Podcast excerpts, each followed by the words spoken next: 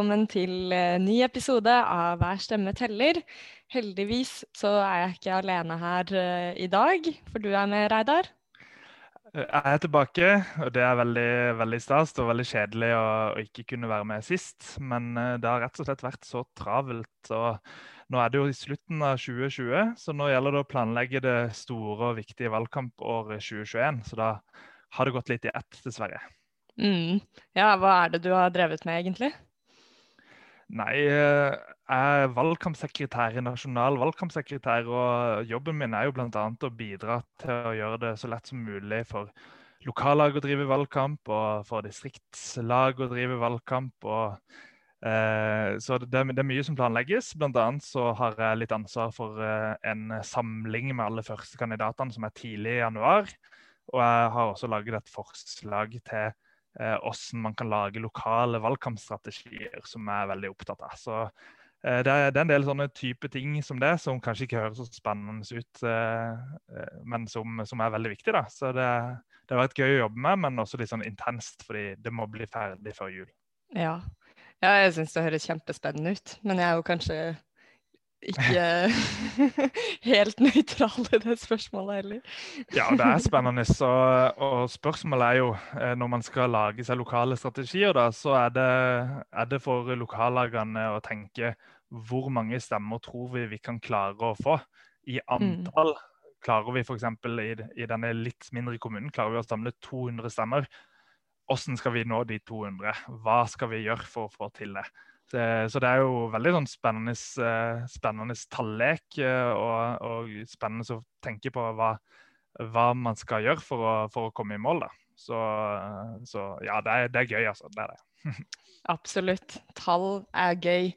Og i siste episode så lovte jeg lytterne Da hadde vi besøk av Svein Ørsnes, fra, som stiller på topp i, for Rødt Hedmark. Um, og da lovte jeg at vi skulle gjøre en liten gjennomgang av, eh, av statistikken, tallene for Hedmark, frem til, til valget.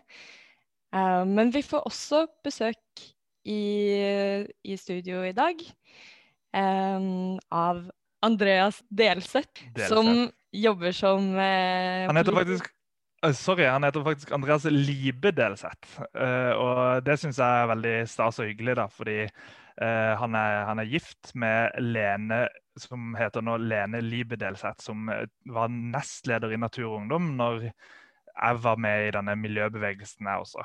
Så uh, det kommer dere tilbake til intervjuet, tenker jeg. Men, men ja, han har litt røtter i miljøbevegelsen, han også. Andreas. Ja, han er ikke alene.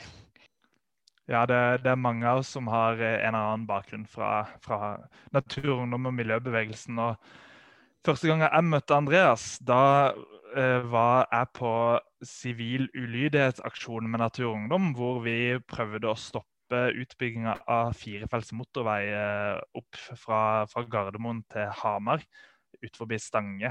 Så da, Det var første gang jeg la merke til Andreas, som var også en av de engasjerte aksjonistene som, eh, som var med og lenka seg fast i, i minusgrader ute i, ute i Hamar-regionen. Så det var, eh, det var et eh, spennende sted å møte han, og jeg har møtt han mange ganger siden også, så han er en knallfyr. Ja, Tøft. Gleder meg til å høre mer om det. Men du Reidar, nå er det eh, 17. desember.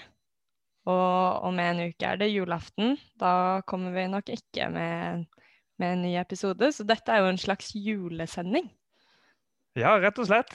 Jingle mm. bells. Hvordan, eh, hvordan, blir din julefeiring? Nei, det skal bli godt å komme litt hjem til, til familie. Eh, jeg skal til, til, Kristiansand, som jeg er fra.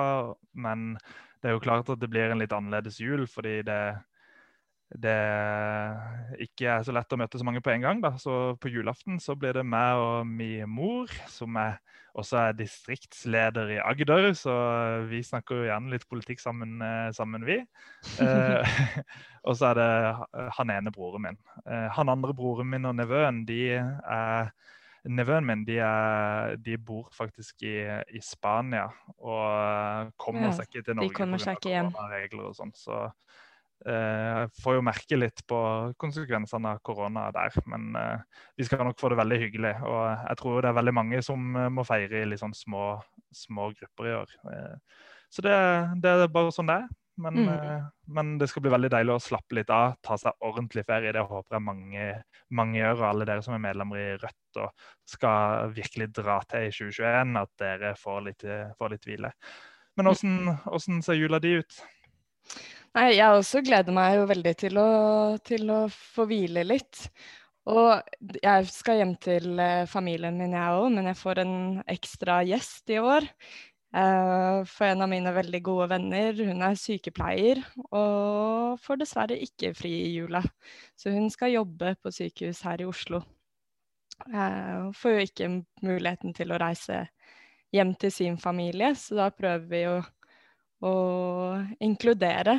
Men det er, jo, det er jo tøft å kjenne på at uh, hun er jo en av de som virkelig har jobba og stått på for fellesskapet i år. Um, så er det de som ikke får feire jul på sin, sin måte, da. Mm. Mm. Ja, så jeg kjenner i hvert fall veldig på det. At det er en sånn ekstra tanke som går ut til alle de som har vært førstelinja det siste året nå mm. de neste ukene. Og det dere gjør da, det er jo helt supert at dere inviterer henne hjem til, hjem til dere. så at hun får, eh, Selv om det blir en litt annerledes jul, så, så får hun en, en eh, bra julekveld likevel. og det, det, er jo noe man kan tenke på. da, Er det noe man kjenner som man kan eh, inkludere litt ekstra denne, denne jula? For det er mange som, som, har det tøft for tida. Så, mm. så det er virkelig verdt å tenke på. Ja, ja det er det. Og så er det jo bare å si tusen takk til alle dere helter der ute som jobber på sykehusene, og som kjører bussene våre, og som jobber som vektere for å holde, holde samfunnet i gang. Tusen mm. takk til, for den, den, jobben dere gjør, og eh, ja. det offeret dere gjør for at vi skal kunne leve, om ikke normalt, så i hvert fall sånn nærmere normalt. Mm. Men nå, Reidar, skal vi få høre en oppdatering om Rødts arbeid på Stortinget, særlig med fokus på utenrikspolitikk. Og gjesten som skal fortelle oss om det, er Andreas Libe Delseth, som er ansatt som politisk rådgiver i Rødts stortingsgruppe.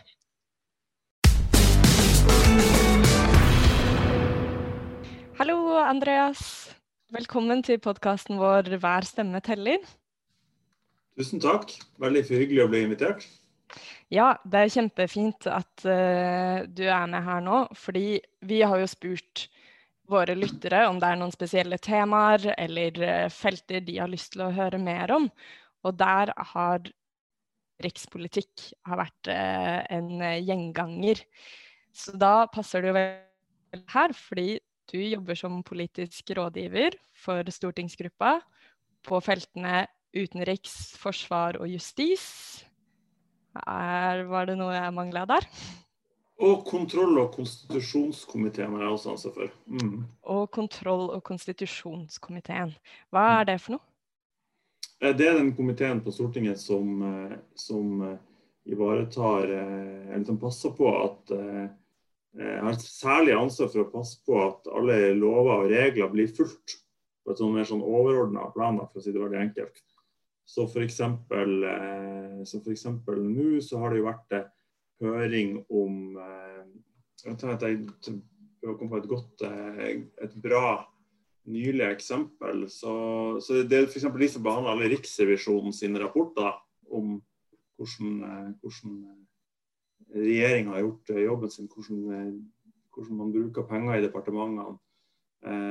Det var de som holdt høring om om Nav-granskinga f.eks. Ja. Eh, etter at, eh, etter at regjeringa var her og redegjorde for Nav-skandalen og hvordan de har fulgt opp den, og om den eh, offentlige utredninga som var om det. Og så kommer den som en sak til kontroll- og konstitusjonskomiteen. OK, så det er kontroll- og konstitusjonsgruppa som på en måte sørger for at demokratiet er gjennomsiktig, og at regler blir fulgt?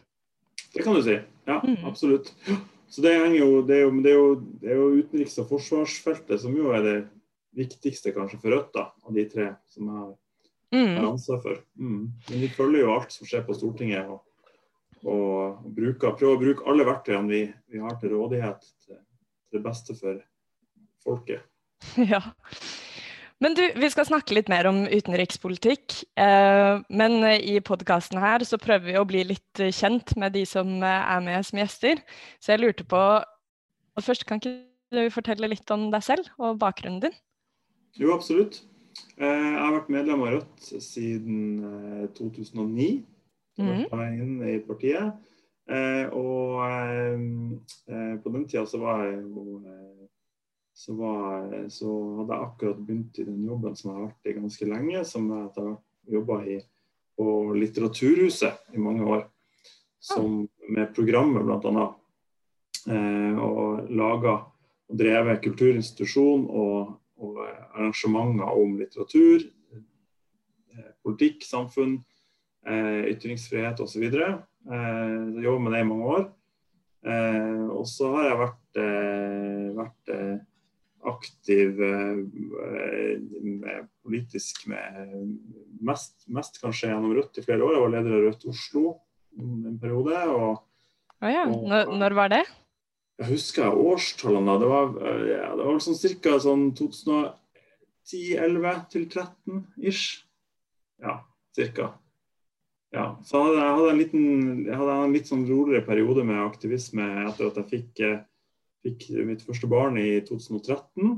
Ja. Eh, og så veldig stas å få komme tilbake til partiarbeid igjen eh, nå i sommer, da, for da eh, fikk jeg en permisjon fra Litteraturhuset. Så skal jeg være her på Stortinget eh, og er rådgiver i vikariat eh, til en gang litt utpå våren. Ja.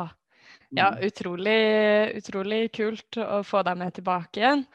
Og det er jo veldig gøy med de som har så lang fartstid eh, i partiet som deg. Det ser jo ganske annerledes ut nå enn det det gjorde i 2010-2013.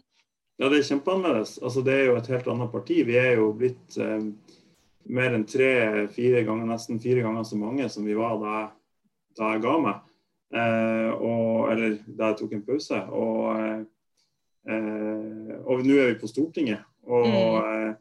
Eh, alle pilene peker oppover. Eh, Rødt er i ferd med å bli en folkebevegelse, og det er helt utrolig kult å være med på. Ja, det er kjempekult.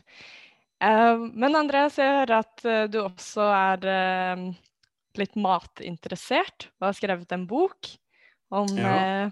mat og arbeid. Ja, det er undertittelen. Boka jeg ga ut i fjor, heter 'Kjøkkenveien en bok om mat og arbeid'. Okay. Den er, det er liksom den foreløpige kulminasjonen av en sterk matinteresse over, over, i lang tid. da. Mm. Eh, som gjorde at jeg eh, for en, en, periode for noen år siden så tok jeg meg fri fra tok, fikk fikk, en, fikk permisjon fra jobben på Litteraturhuset. Og så begynte jeg å jobbe på et restaurantkjøkken. Så jobba jeg der i noen måneder for å rett og slett prøve ut hvordan det var å være, være kokk. Være i en mm. annen jobb. Eh, jobbe med hendene, jobbe med kroppen. Eh, eh, jobbe med et håndverk. Eh, og, eh, og, og, forfølge den matinteressen. Eh, og det ble til ei bok, da, rett og slett. Som, som handler om, det handler om mat, det handler om arbeid, det handler om hvordan man ser Hvordan man tenker om arbeidet sitt og om det man holder på med på et restaurantkjøkken. Mm. Hvordan det restaurantkjøkkenet fungerer. Ja, og litt om, om hvordan Det er mye matnerding, da. Og så er, ja. er det en, en del observasjoner og betraktninger om hvordan hvordan maten sin plass i samfunnet er å bli sett på ja, sånne ting. Ja. Er spennende. Så mat, men med en litt sånn politisk eh, slagside, da. Ja, det kan du si. Mm, mm. Absolutt. Kult. Jeg får lyst til å lese den. Uh, men du, nå, vi må snakke om utenrikspolitikk. Og det er jo sånn at eh, Rødt har jo en veldig tydelig utenrikspolitikk. Det er en del ting som eh, er helt prinsipielt. Vi er imot eh, krig, vi er for nedrusting, for internasjonal solidaritet. Eh, ønsker Norge ut av EØS og Nato.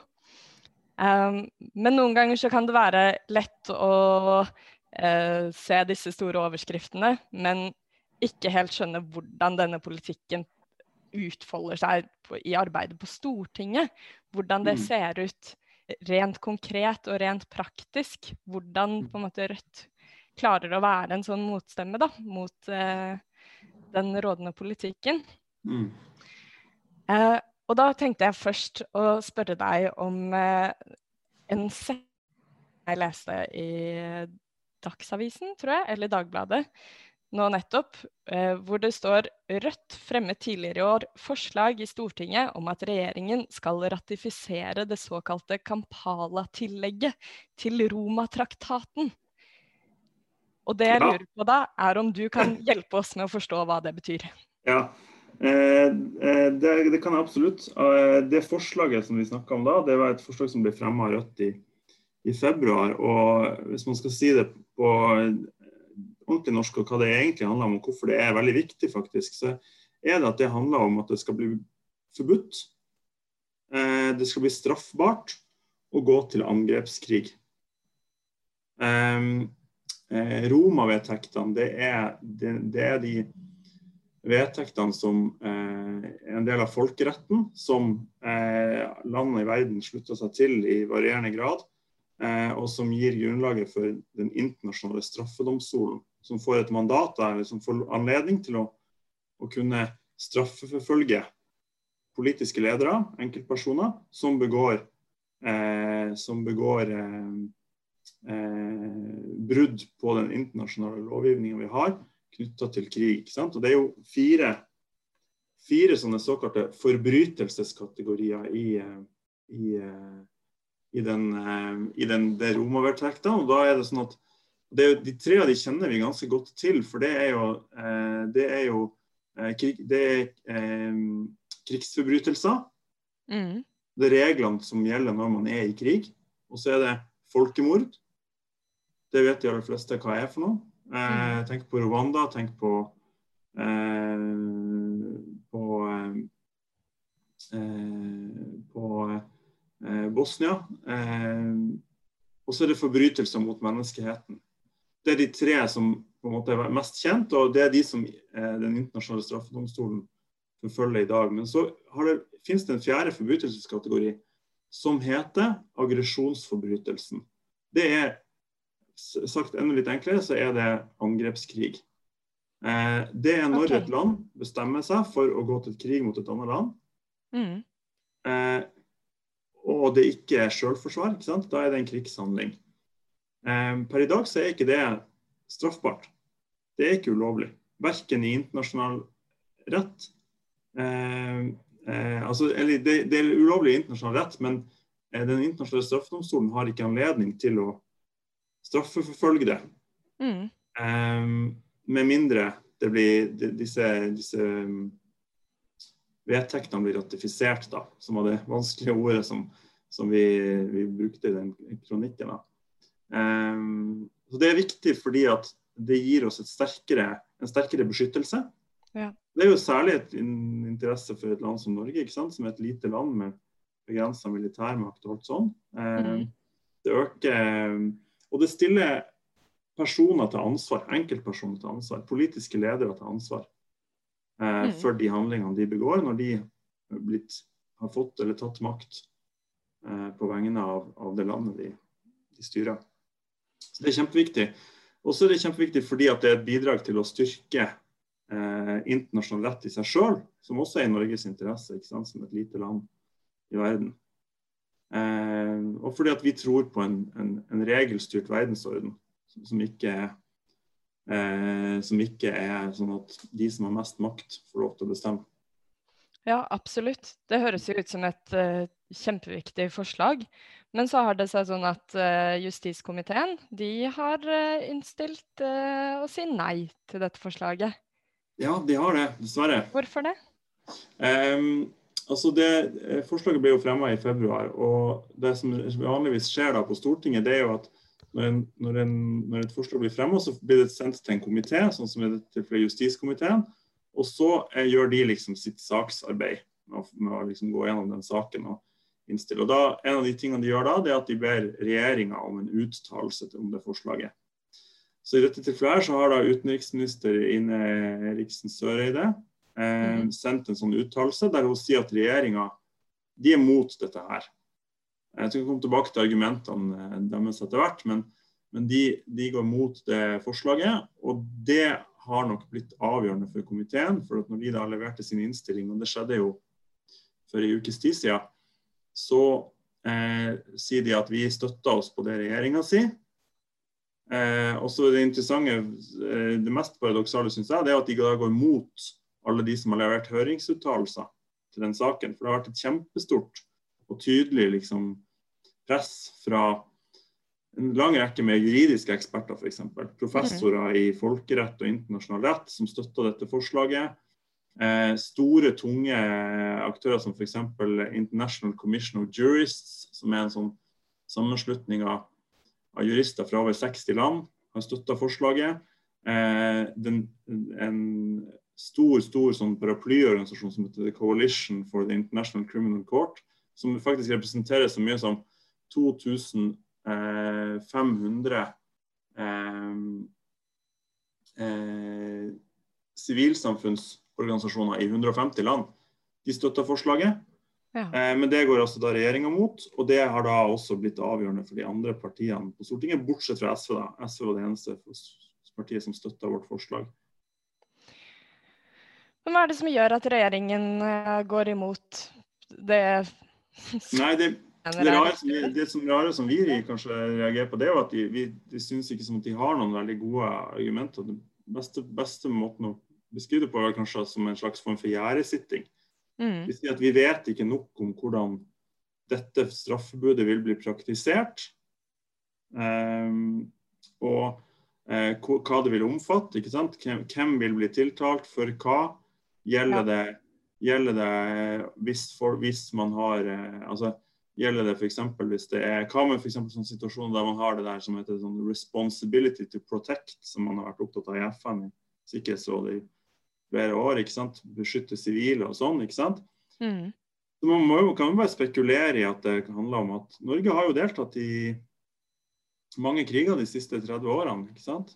Mm. Eh, kanskje er man bekymra for hvordan det vil slå ut for norske politiske ledere som har beslutta krig. Ja, for her har eh, man jo kanskje en uh, ganske nær linje til Nato-medlemskapet vårt, og at det kan være ja, interesser derfra. Ja. Det er likevel sånn at Innad i Nato så er det jo faktisk sånn at det er et flertall av medlemslandene som har ratifisert også. Eh, eh, inkludert Tyskland, f.eks. Eh, så det handler jo enda mer om NATO. NATO så vil jeg jo kanskje min spekulasjoner, men at det handler om USA. da. Det handler om mm. USA-lojalitet, at man er redd for hva USA vil si om det. og Den internasjonale straffedomstolen har jo vært veldig omstridt i flere år. Um, Donald Trump har jo innført ganske sånne skarpe sanksjoner mot ansatte i straffedomstolen. Um, og, og, sånn, og da, da syns vi kanskje at det er enda mer Det er for det Bjørnar har argumentert for, at det er enda, enda merkeligere at man ikke bruker den muligheten vi har nå da, til mm. å styrke ICC. Det er jo forventa f.eks. For at, at mange av de sanksjonene fra USA kommer til å bli heva nå som det er blitt en ny president. Ja. Eh, og at det er et riktig tidspunkt å prøve å liksom gjøre det vi kan for å styrke folkeretten. Også nå når Norge skal inn i å være medlem av FNs sikkerhetsråd. ikke sant? Mm. Som, Norge, som, jo Rødt i utgangspunktet var imot. ikke sant? Men vi mener at når, først, når vi først sitter der, så må vi prøve å gjøre det beste ut av det. Og da er det viktig at vi klarer å vise at vi er uavhengige av USA. Mm. Og holder på en linje som handler om å styrke folkeretten og sånn. Og at da har Norge rett og slett et troverdighetsproblem hvis vi ikke mm. samtidig f.eks. ratifiserer den her ja. Kampala-tillegget til Roma-vedtektene, som det heter, for å være litt sånn jurist. Så jeg kan jo være litt sånn finurlig i språket. Ja, det er lett når man eh, leser sånne setninger at man ikke helt skjønner hva det går ut på. Men det er akkurat her jeg tenker at Rødt nettopp gjør en utrolig viktig jobb som den stemmen på Stortinget som får frem og viser hva dette egentlig betyr. Mm. Ja. Og også eksponerer Norges utenrikspolitikk og allianser. Ja, det er jo, altså, Denne saken er jo en veldig sånn aktuell sak. da, den er jo, det er jo en av, eh, men det er bare en av veldig mange vi har jobba med eh, de årene vi har vært på Stortinget, og, og enda flere skal det bli. som jo Mm. peker i den samme retninga, som handler om at, at særlig på, når det kommer til utenrikspolitikken, så har det vært sånn at Norge, i Norge har det vært veldig bred politisk enighet. ikke sant? Og at fordi at Høyre og Arbeiderpartiet hele tida finner sammen, så eh, blir det veldig sjelden noen ordentlig debatt om det. Så legg, du kan du legge på på toppen av det at det vel, har vært veldig utstrakt praksis med hemmelighold på dette Mm. feltet. Veldig mange ting som blir holdt hemmelig, og som foregår i lukka komiteer, og som eh, ikke får, når offentlighetens lys. ikke sant? Som, som for eksempel, som vi har jobba med at det i det hele tatt var en politisk kamp å få til en evaluering av den norske eh, krigsdeltakelsen i Libya. Mm. Sant? Det var det jo bred politisk skepsis til at vi skulle gjøre i det hele tatt. Og når vi først fikk en sånn evaluering, så vedtok de at mye, det var det en evaluering som var mye smalere enn det den burde ha vært. ikke sant? Som ikke så på f.eks. de langsiktige konsekvensene av krigen. Mm. Og de, hva den krigen førte til. Eh, og så I neste omgang så ble det jo da en eller Eller f.eks. i forbindelse med kjøp av sånne kampfly fra USA. ikke sant? Så så vi jo at når da Riksrevisjonen kom med en knusende rapport om det kampflykjøpet, eh, så ble den holdt hemmelig. Mm. Eh, og så måtte vi da ty til at den amerikanske riksrevisjonen til og med praktiserte mer åpenhet Ja. enn den norske. Eh, enn- enn- ikke, den, eh, ikke enn det Riksrevisjonen praktiserte, eh, men enn det det norske forsvarsdepartementet tillot dem å praktisere. ikke sant? For å få vite ting om de kampflykjøpene. Og Det er ganske paradoksalt at liksom ting som Senatet i USA får tilgang til fra sin riksrevisjon, skal vi holde hemmelig her. Mm. Eh, det er et veldig sånn tydelig tegn på at eh, bruken av hemmelighold er mye, mer, mye større enn den trenger å være. Og Det er en sånt, et sånt overordna tema som Rødt har vært veldig opptatt av, og hvor vi har brutt opp i den konsensusen som er, og tvunget fram mer åpenhet enn det det har vært til nå. Mm. Ja, og eh, når vi snakker om hemmelighold, så er det jo en annen sak som jeg ville snakke med deg om, som har vært eh, ganske oppe på agendaen i det siste. Fordi for noen uker siden så kom det frem noen avsløringer fra Danmark om at eh, USAs etterretningstjeneste har eh, drevet og spionert på bl.a. Norge og andre europeiske land. Um, og det lurer jeg på om du kan fortelle litt mer om, og hvordan er det Rødt har forholdt seg til det på Stortinget? Mm. Ja, så noe av det paradoksale er jo at vi, vi har jo veldig, det er kommet fram veldig tydelige eh, liksom, eh, indikasjoner på at Norge har blitt spionert på av USA. Eh, helt konkret. Eh, på en helt, på, I en helt konkret sak. Eh, men vi vet jo ennå ikke ordentlig, noe særlig substansielt om hva det er. Bl.a. pga. hemmelighold. Eh, og fordi at regjeringa ikke gjør nok, mener vi, da, for, å, for å følge opp den saken. Eh, men det som har skjedd helt konkret, er at det kom en stor, var en stor, eh, veldig alvorlig avsløring i, i Danmark i, som kom i august. Eh, der eh, danske, det danske tilsynsorganet for etterretningstjenesten, som tilsvarer det vi i Norge har som heter EOS-utvalget, som skal undersøke at ikke de hemmelige tjenestene, PST og, eh, og E-tjenesten eh, med flere, eh, misbruker den makta de har fått. ikke sant? Mm. Og, eh, og den danske, det danske, danske tilsynet med etterretningen de eh, eh, gikk ut med en rapport, kjempesvær rapport til Folketinget i Danmark i august, der de forklarte at, eh, at det har foregått utstrakt maktmisbruk i E-tjenesten. og De har brutt sentrale lover. De har tillatt overvåkning av egne innbyggere. Eh, De har utlevert informasjon om egne innbyggere til USA.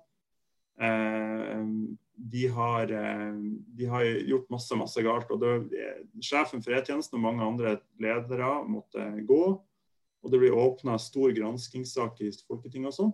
Og i kjølvannet av den da, så er en av de konkrete tingene som har kommet fram, det er at, at annet da, at E-tjenesten i Danmark har tillatt USA å tappe internettkabler ved hjelp av en teknologi som vi kjenner til fordi at Edward Snowden avslørte den i 2013.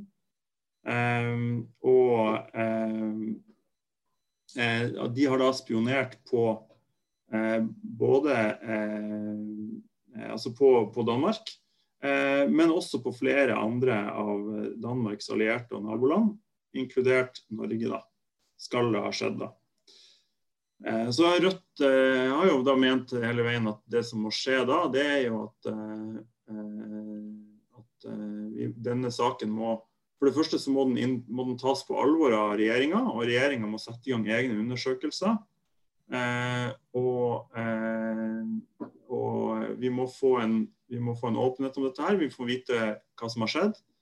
Mm. Eh, og så har regjeringa svart at eh, de, eh, de skal få en sånn eh, rapport fra Danmark, når de har funnet ut av det de har funnet ut av. Og så, eh, og så skal eh, vi ta stilling til saken da. Og Det mener Rødt er altfor lite og for, for seint. Eh, vi, vi, må ta eget initiativ. Eh, det er masse spørsmål som vi må finne ut av på eget grunnlag. Eh, og vi kan ikke stole på det. Altså, en del av etterforskninga i Danmark nå, eller granskinga mm. i Danmark nå, handler jo bl.a. om båndene mellom E-tjenesten og regjeringa i Danmark. Ja. Eh, Eh, så hvordan, hvorfor skal vi da basere oss på hva den danske regjeringa sier om saken? ikke sant? Vi må mm. foreta våre egne undersøkelser. Eh, og så må vi jo gjøre det også fordi at vi må markere helt tydelig at det er at det er eh, problematisk at USA spionerer på oss, og vi må sette foten ned for det. ikke sant? Men det er jo her det er da en politisk uenighet ikke sant? Eh, mm. om hvor alvorlig man skal se på en sånn tilfelle. ikke sant? Og noen vil noen eh, går jo så langt som til å si at, eh, at eh, det skulle bare mangle at USA spionerte på Norge. Det er ikke noe problem i det hele tatt. Um, ja. I Danmark handler, vet man at ja, spionasjen bl.a. handler om kampflykjøpet. ikke sant? Ja. Uh, og vi vet fra USA at uh, det er veldig tette bånd mellom forsvarsindustrien og, og uh, etterretninga. Sånn at Det reiser spørsmål om har, har kampflykjøpet Eh, blitt gjort på riktig grunnlag. ikke sant? Mm. Og Det som jo er bakteppet er at vi altså, det at amerikanerne spionerer på sine allierte, det har vi visst lenge. For det som sagt, det har vi visst siden Snowden avslørte det. ikke sant? Ja. Så for oss så blir det her også en mulighet til å, å prøve å grave i et, tema som har vært hemmeligholdt i lang tid, som er hva har Norge gjort etter at vi fikk vite at USA begynte å spionere på sine allierte? For mm. å sikre oss mot det. Sant? Har regjeringa gjort det de skal, eller ikke? Ja. Det er jo det man kan frykte ikke sant? Når de, sier, når de sier at de vil vente til kanskje en gang på høsten til neste år, når vi får en rapport fra Danmark, før vi gjør noe. Mm. Um, så sa, da sa, gikk, valgte Bjørnar å gå ut og si at det, dette, hvis, hvis ikke regjeringa gjør noe på eget grunnlag, så truer det Norges selvstendighet, sa han da. Og hva, hva er konsekvensen av det? Nei, altså, Har de svart? Eh, Eh, altså det Regjeringa har ikke svart noe utover det som de har sagt offentlig, som er at de skal vente, avvente den danske eh, granskinga, som vi mener er for lite. da. Utover det så har ikke regjeringa gjort noe annet enn at eh, Høyre i Stortinget har da eh, Hvis man skal si det litt flåsete, så har de sladra til rektor. Eh, de har sendt et, et brev til Stortingets presidentskap og og sagt at de mener at Bjørnar har brutt taushetsplikten ved å si de tingene som er referert til nå i avisen. Ja. Um, og det skal bli en sak da i Stortinget på nyåret. En gang etter nyttår. Ja, for dette er vel kanskje også litt uh, Dette handler jo også om um, um, hva som behandles i, i, Det er vel det som kalles den utvida utenrikskomiteen, som mm. behandler gradert informasjon og hva mm. det som kommer ut i offentligheten og ikke. Ja, det er jo det. For det, når Bjørnar uttalte seg om det, så var det etter at han hadde vært på et møte i den komiteen som Rødt sitter i. Mm. Um, og, eh, og, det som skjer i komiteen, er hemmelig. Uh, men det som ikke er hemmelig, er jo hva vi mener om mm. saker uh, som er behandla i den komiteen. Sant? Og det er en helt avklart praksis. Og her har jo vi Sant? Rødt har jo vært opptatt av åpenhet og, og, eh, og at uh, offentligheten skal få vite om hva som som foregår i mye større grad i lang tid. ikke sant? Mm. Bjørnar har jo til og med vært politianmeldt for dette her før, ikke sant? Han, da han slapp den eh, rapporten om sykehjemmene i Oslo Mm. og Ja, på de private sykehjemmene. ja. Mm. Um, og vi sto fjellstøtt i det den gangen, og uh, sak, saken eh, fa- falt, som er, falt til grunn eh, når den kom, ble prøvd i retten. Så vi, Rødt har jobba masse med spørsmål om hemmelighold og sånn i mange år. ikke sant? Sånn at vi vet veldig godt at vi har ikke har gjort noe som, som er et brudd på, på noen lover eller regler.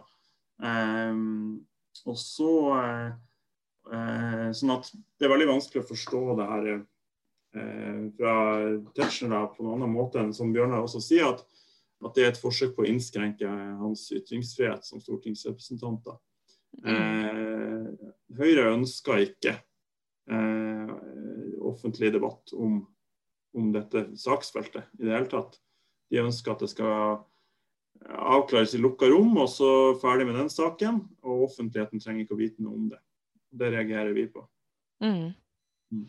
Ja, det er jo kjempebra at man, at man får eksponert og får litt synlighet rundt disse tingene. Og jeg snakka med Reidar om det tidligere i dag, at vår eh, podkast her heter jo 'Hver stemme teller'. Og dette er jo virkelig et eh, eksempel på at Rødt er en egen stemme.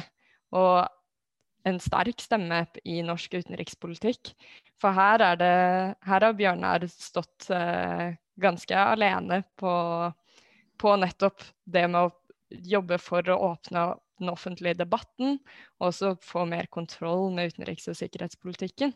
Og en av de tingene Rødt har jobbet med, er mandatet til det såkalte Harberg-utvalget. Kan ikke du fortelle litt om det? Eh, Det utvalget ble satt, ble satt ned av Stortinget. eh, og Det er et sånt utvalg som, eh, som skal gjennom, gjennomgå Stortinget sine egne kontrollfunksjoner. Så det er litt sånn evalueringsutvalg da, i Stortinget. Mm. Det består av stortingsrepresentanter som skal gjennomgå alle de måtene de, Stortinget driver med kontroll. Sant? For det er jo en, en av de viktige måte, funksjonene til Stortinget er at man skal man vedtar lover, man vedtar budsjetter, og så Mm. utøver man kontroll med regjeringa. Det er liksom den tredje tingen man gjør da, med den utøvende makt. Og, og da er spørsmålet har Stortinget den verktøykassa, den beste verktøykassa for å gjøre det? Det er det, måte, det spørsmålet som det utvalget skal svare på. Um, og så så Rødt at, um, at uh, det utvalget hadde jobba ut fra et mandat som ikke tok inn over seg et av de aller største og viktigste spørsmålene, sånn som vi ser det, uh, nemlig uh, utenriks- og forsvarsfeltet. Mm. Eh, og Derfor så foreslo vi Stortinget i, i vår at, eh, at mandatet til utvalget skulle utvides. og Det ble faktisk enstemmig vedtatt i Stortinget. Eh, så nå i disse dager så er det, en, det utvalget i ferd med å avslutte arbeidet sitt om, om utenriks- og forsvarspolitikk. Og Der har vi spilt inn masse ting basert på de, de erfaringene vi har gjort oss de, de årene eh, Rødt har vært på Stortinget. Så har Bjørnar spilt inn Han er vel faktisk i møte i det utvalget akkurat nå mens vi snakker sammen. Ja. Eh, og foreslått forskjellige tiltak som vi mener, som Rødt mener kan styrke eh, kontrollen og medvirkninga for Stortinget mm. til eh, utenriks- og forsvarspolitikken. Da er det, sånn at det som er bakgrunnen her, for å gjøre det litt mindre tørt, det er jo det at blant annet det at de siste 30 årene så har Norge deltatt i en lang rekke kriger. ikke sant? Eh, vi har en grunnlov og vi har et system med et forhold mellom regjeringa og Stortinget som ikke er basert på, ikke er laga for den typen virkelighet. ikke sant? Mm. Eh, og vi har, sett, vi har sett i forbindelse med, med sånne eh, kriger som den i Libya, at, at det var mange ting eh, som eh, burde endres eh, i, i hvordan dette her fungerer. For så burde, mener vi, vi at Stortinget burde eh, samtykke før man går til krig. At regjeringa ikke skal kunne gå til krig uten å få støtte fra Stortinget eksplisitt. Eh, og så mener vi at man, når man gjør det, så må man gjøre det på et, et grundig, informert liksom, kunnskapsgrunnlag. da. Sant? Mhm. Og ikke sånn som man gjorde med Libya, hvor man tok beslutninger per SMS. ikke sant?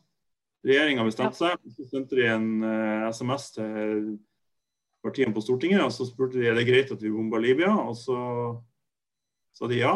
Og så, uh, så var det greit, liksom. Uh, med enorme, katastrofale følger for, mm. for befolkninga i Libya og i hele regionen. ikke sant? Det er derfor vi, vi er jo i altså Nå er, er er jo Norge sendte akkurat nye styrker til Mali, f.eks. Et land som blir fullstendig destabilisert da, eh, da etter, i kjølvannet av krigen i Libya. Mm. Konsekvensene, Det er viktig å huske på, ikke sant? Når vi, når, når, særlig når liksom, eh, de store etablerte partiene, Arbeiderpartiet og Høyre, og sånn, skryter av at Norge må ta ansvar internasjonalt. Anniken Huitfeldt fra Arbeiderpartiet, som er leder av utenrikskomiteen for eksempel, på Stortinget, hun ute og skrøt av det at hun mente at det, det, var ikke, det, var, ja, det var etter at vi reagerte på at eh, det kom fram at Norge skal trene på ørkenkrig i Jordan sammen med amerikanerne, så sa hun, at hun syntes det var flott at eh, Norge skulle gjøre det. Og vi burde egentlig gjøre, gjøre mer der for å ta ansvar i verden. På et vis kan du kanskje si at det er på en måte bra å ta ansvar. Eh, fordi at det er jo Men det er jo, hun mener å ta ansvar for andres problemer. Det er jo egentlig å ta ansvar for våre problemer. ikke sant? Og så er jo men så mener vi selvfølgelig da at du tar jo ikke ansvar, du bare lager mer konflikt. konflikt ja. Mm. Ja, og det blir en slags uh, overdekning av uh, å forstå at dette handler om interessekonflikt også. Mm. Absolutt. Og, og, politiske allianser. Absolutt. Så det, det høres ut som utrolig viktig nettopp det å prøve å demokratisere de beslutningene. For det kan jo som en vanlig velger, så føles det jo veldig ofte som om utenrikspolitikk er over hodene våre. Og frem mot et valg, sånn som vi gjør nå, så er det jo veldig stort fokus på nasjonalpolitikk.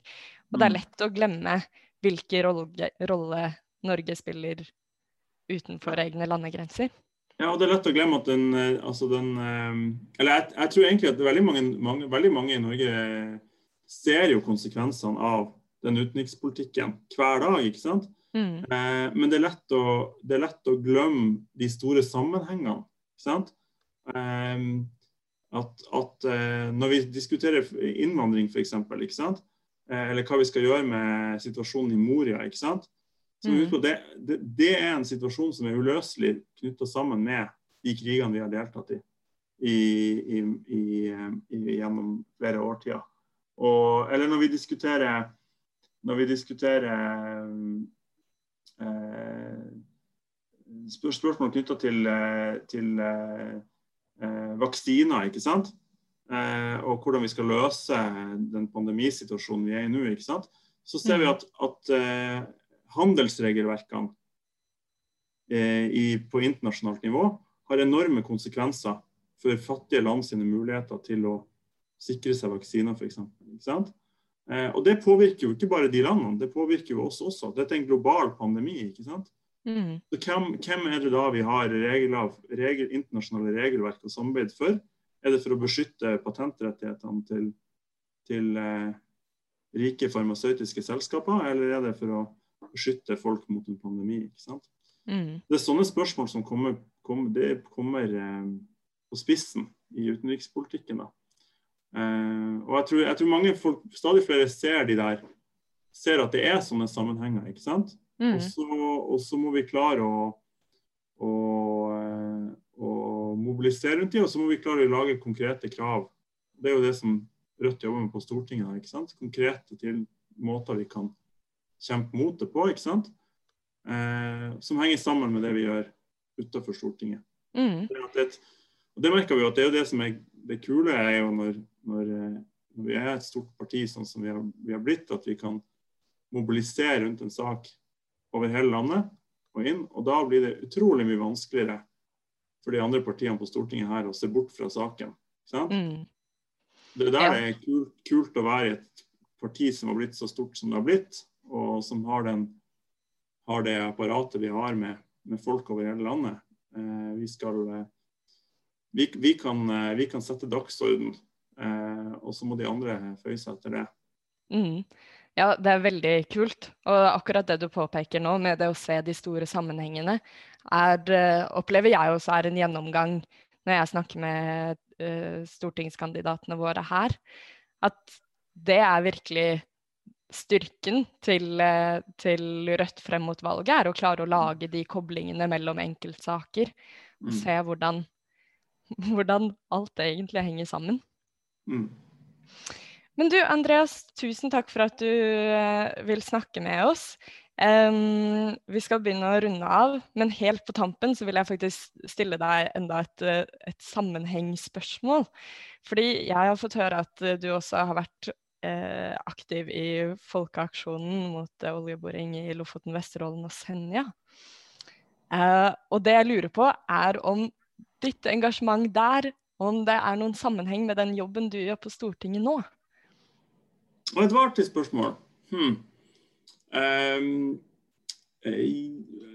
altså, ja, det, det, har jo selvfølgelig det. Eh, det er jo ikke mitt altså Verken spørsmål om oljeboring eller eh, næringspolitikk i, i eh, klimapolitikk sånn i, i Lofoten, Vesterålen og Senja sånn, er ikke, Det er ikke sånn direkte mitt saksfelt. Men eh, det henger jo helt klart sammen, alt sammen, ja.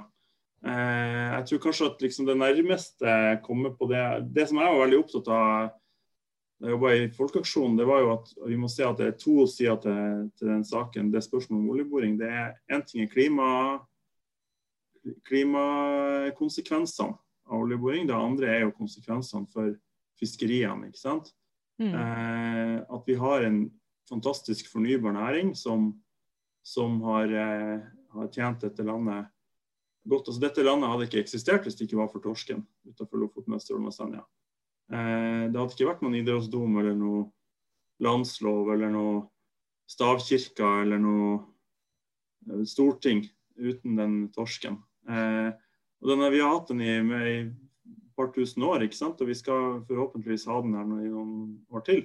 Med mindre selvfølgelig klimaendringene fører til at torsken flytter på seg. Men eh, det er nettopp derfor vi ikke må hvor etter mer olje uansett. Men, mm. eh, men eh, den fisken, da, og den, der er det jo liksom Det kommer jo på spissen nå framover, da. Og det blir en viktig sak for Rødt i men så kommer når vi snakker om EØS-spørsmålet og handelsavtaler og sånt. ikke sant? Og det er sånn at der, Fisken er en reell liksom, ting som står på spill nå, f.eks. i de forhandlingene som foregår mellom Norge og Storbritannia om, om samarbeidsavtaler til å erstatte EU-avtalene eh, e ikke sant? Som, som regulerte forholdet mellom Norge og Storbritannia før brexit. da. Så mm. Der er det jo, der så vi jo nå f.eks. at Kystvakta har jo liksom trappa opp beredskapen eh, potensielt for å kaste ut EU-skip, altså europeiske skip, som en følge av avtalen. Det er veldig rotete. Jeg, jeg, må bruke jula på å sette meg inn i det her. Det, er, men det kommer til å bli viktig. og og nå skal EØS blir jo en, og frihandel blir jo en viktig sak i, for Rødt i valgkampen. Mm. Så der, der, det, spiller, det, det, kommer til å bli en viktig sak for, fordi at hvis man ser, ser, ser, det fra perspektivet til folk i Lofoten, Vesterålen og Senja, så handler det om, om livsgrunnlaget. Ikke sant? Eh, helt konkret. Det gjør det. OK, men da vet vi at uh, kommer du til å være ekspert på, på Storbritannia og Norge og torsk og Jeg skal ha litt juleferie også, vi blir et par uker utpå nyåret, så kan du ringe om det. Ja. ja. det er bra. Nei, men tusen takk for at du hjelper oss med å se uh, de store linjene litt bedre, og også litt mer ned i det konkrete. Takk for det. Takk for fin prat. Ja, og så må du ha en god juleferie. Du òg, alle sammen i Rødt må ha det også. Tusen takk. Det var eh, intervjuet vårt med Andreas Delseth fra stortingsgruppa til Rødt. Og nå, Reidar, sist gang, sist episode, så lovte jeg at vi skulle få en liten oppdatering for hvordan det ligger an i valgdistriktet Rødt Hedmark.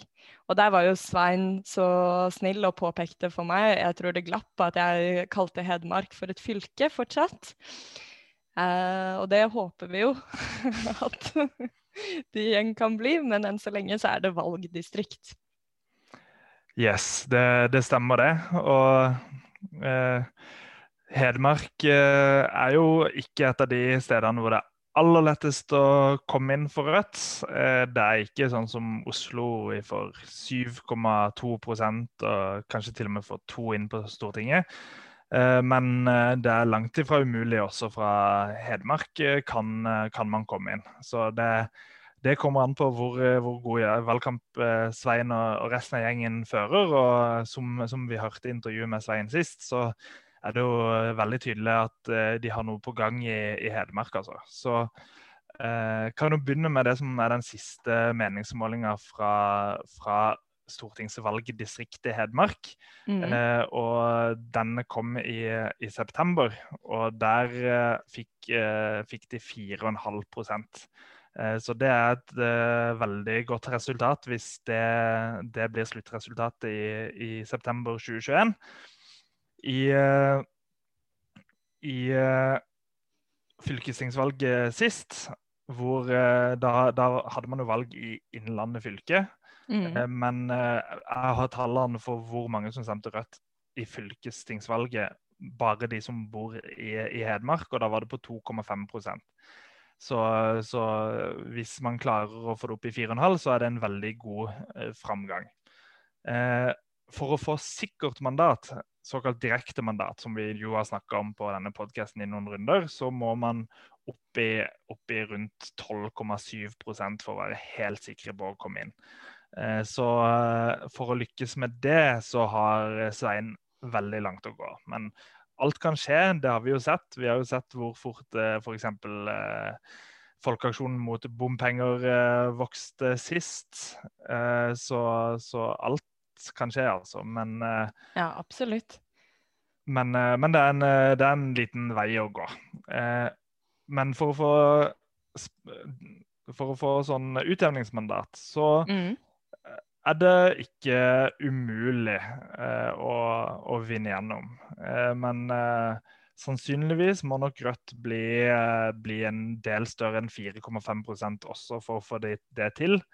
akkurat nå så eh, ser det ut for meg som at det er Frp som har utjevningsmandatet, og at de har 8,5 eh, på, på den målinga fra september. Eh, så, men, eh, men, Frp kan fort vokse litt og få direktemandat. Eh, så mye, ja, mye kan skje. Det håper vi ikke på, da. Nei, vi håper jo ikke på det. Men, vi håper jo heller på å danke ut utjevningsmandatet. Absolutt. Men da, da, må vi altså vokse en del, eller uh, enda bedre, vi vokser og Frp faller da. Så det, ja, det, det gir jo litt ekstra motivasjon å vite at det er eh, de man kan ta et mandat fra. Absolutt. Så er vi også i konkurranse med SV i Hedmark, som vi er i mange andre stortingsvalgdistrikt. Så Eh, det blir, eh, det blir, en spennende duell der, eh, som, som, vi fortsatt kan vinne. Men vi er nok ikke favoritt i Hedmark per dags dato. Så, men forhåpentligvis så, så, kjører vi på også i Hedmark og, og slår ja. til med rekordvalg. Ja, det virker jo som at Svein og gjengen er på god vei til å gjøre Rødt til en favoritt i Hedmark. Absolutt. Og vi, som, som, Svein også påpekte, så er de mer aktive i Hedmark enn det de har vært noensinne. De er representert i masse, masse kommunestyrer og er synlige i store deler av fylket. Det har ikke Rødt vært før. Eh, så vi har eh, helt andre muligheter enn det vi har hatt før til å lykkes. da. Mm. mm. Absolutt. Mm. Tusen takk for oppdateringen, Reidar.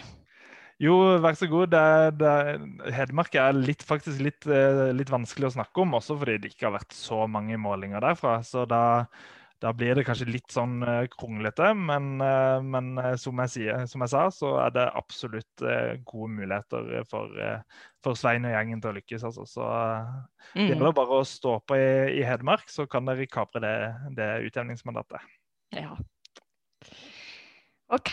Da begynner vi å nærme oss eh, slutten på sendinga, Reidar. Har du deg fri? Nå skal jeg ta meg julefri. Jeg skal jobbe noen dager til, men eh, i hvert fall mandag og tirsdag. da, Så får vi se om det blir litt sånn uh, roligere på lille julaften. Det, det håper jeg. Ja. Og så høres vi igjen på nyåret. God jul og godt nyttår til alle sammen. God jul.